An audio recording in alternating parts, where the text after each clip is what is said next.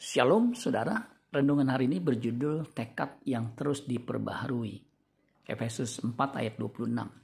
Apabila kamu menjadi marah, janganlah kamu berbuat dosa. Janganlah matahari terbenam sebelum padam amarahmu. Kalimat jangan kamu berbuat dosa merupakan perintah Tuhan Allah yang dia gemakan sejak di Taman Eden. Kejadian 2 ayat 17. Tetapi pohon pengetahuan tentang yang baik dan yang jahat itu janganlah kau makan buahnya. Sebab pada hari engkau memakannya pastilah engkau mati. Manusia punya kehendak bebas. Kehendak bebas ini sering disalahgunakan untuk bebas berbuat dosa. Roma 6 ayat 1 sampai 2. Jika demikian apakah yang hendak kita katakan? Bolehkah kita bertekun dalam dosa supaya semakin bertambah kasih karunia itu? Sekali-kali tidak. Bukankah kita telah mati bagi dosa? Bagaimanakah kita masih dapat hidup di dalamnya?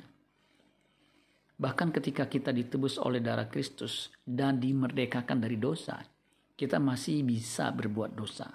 Galatia 5 ayat 1 dan 13. Supaya kita sungguh-sungguh merdeka, Kristus telah memerdekakan kita karena itu berdirilah teguh dan jangan mau lagi dikenakan kuk perhambaan. Ayat 13, saudara-saudara, memang kamu telah dipanggil untuk merdeka. Tetapi janganlah kamu mempergunakan kemerdekaan itu sebagai kesempatan untuk kehidupan dalam dosa.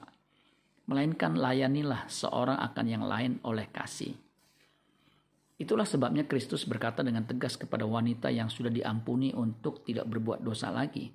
Yohanes 8 ayat 11. Jawabnya tidak ada Tuhan. Lalu kata Yesus, aku pun tidak menghukum engkau. Pergilah dan jangan berbuat dosa lagi mulai dari sekarang. Diperlukan tekad yang kuat dan komitmen yang teguh untuk tidak berbuat dosa di zaman now yang sudah rusak ini. Itulah sebabnya kita harus terus-menerus diperbaharui, harus terus-menerus memperbaharui komitmen kita ini dengan kebenaran firman Tuhan. Yohanes 17 ayat 17, kuduskanlah mereka dalam kebenaran. Firmanmu adalah kebenaran. Amin buat firman Tuhan. Tuhan Yesus memberkati. Sola Gracia.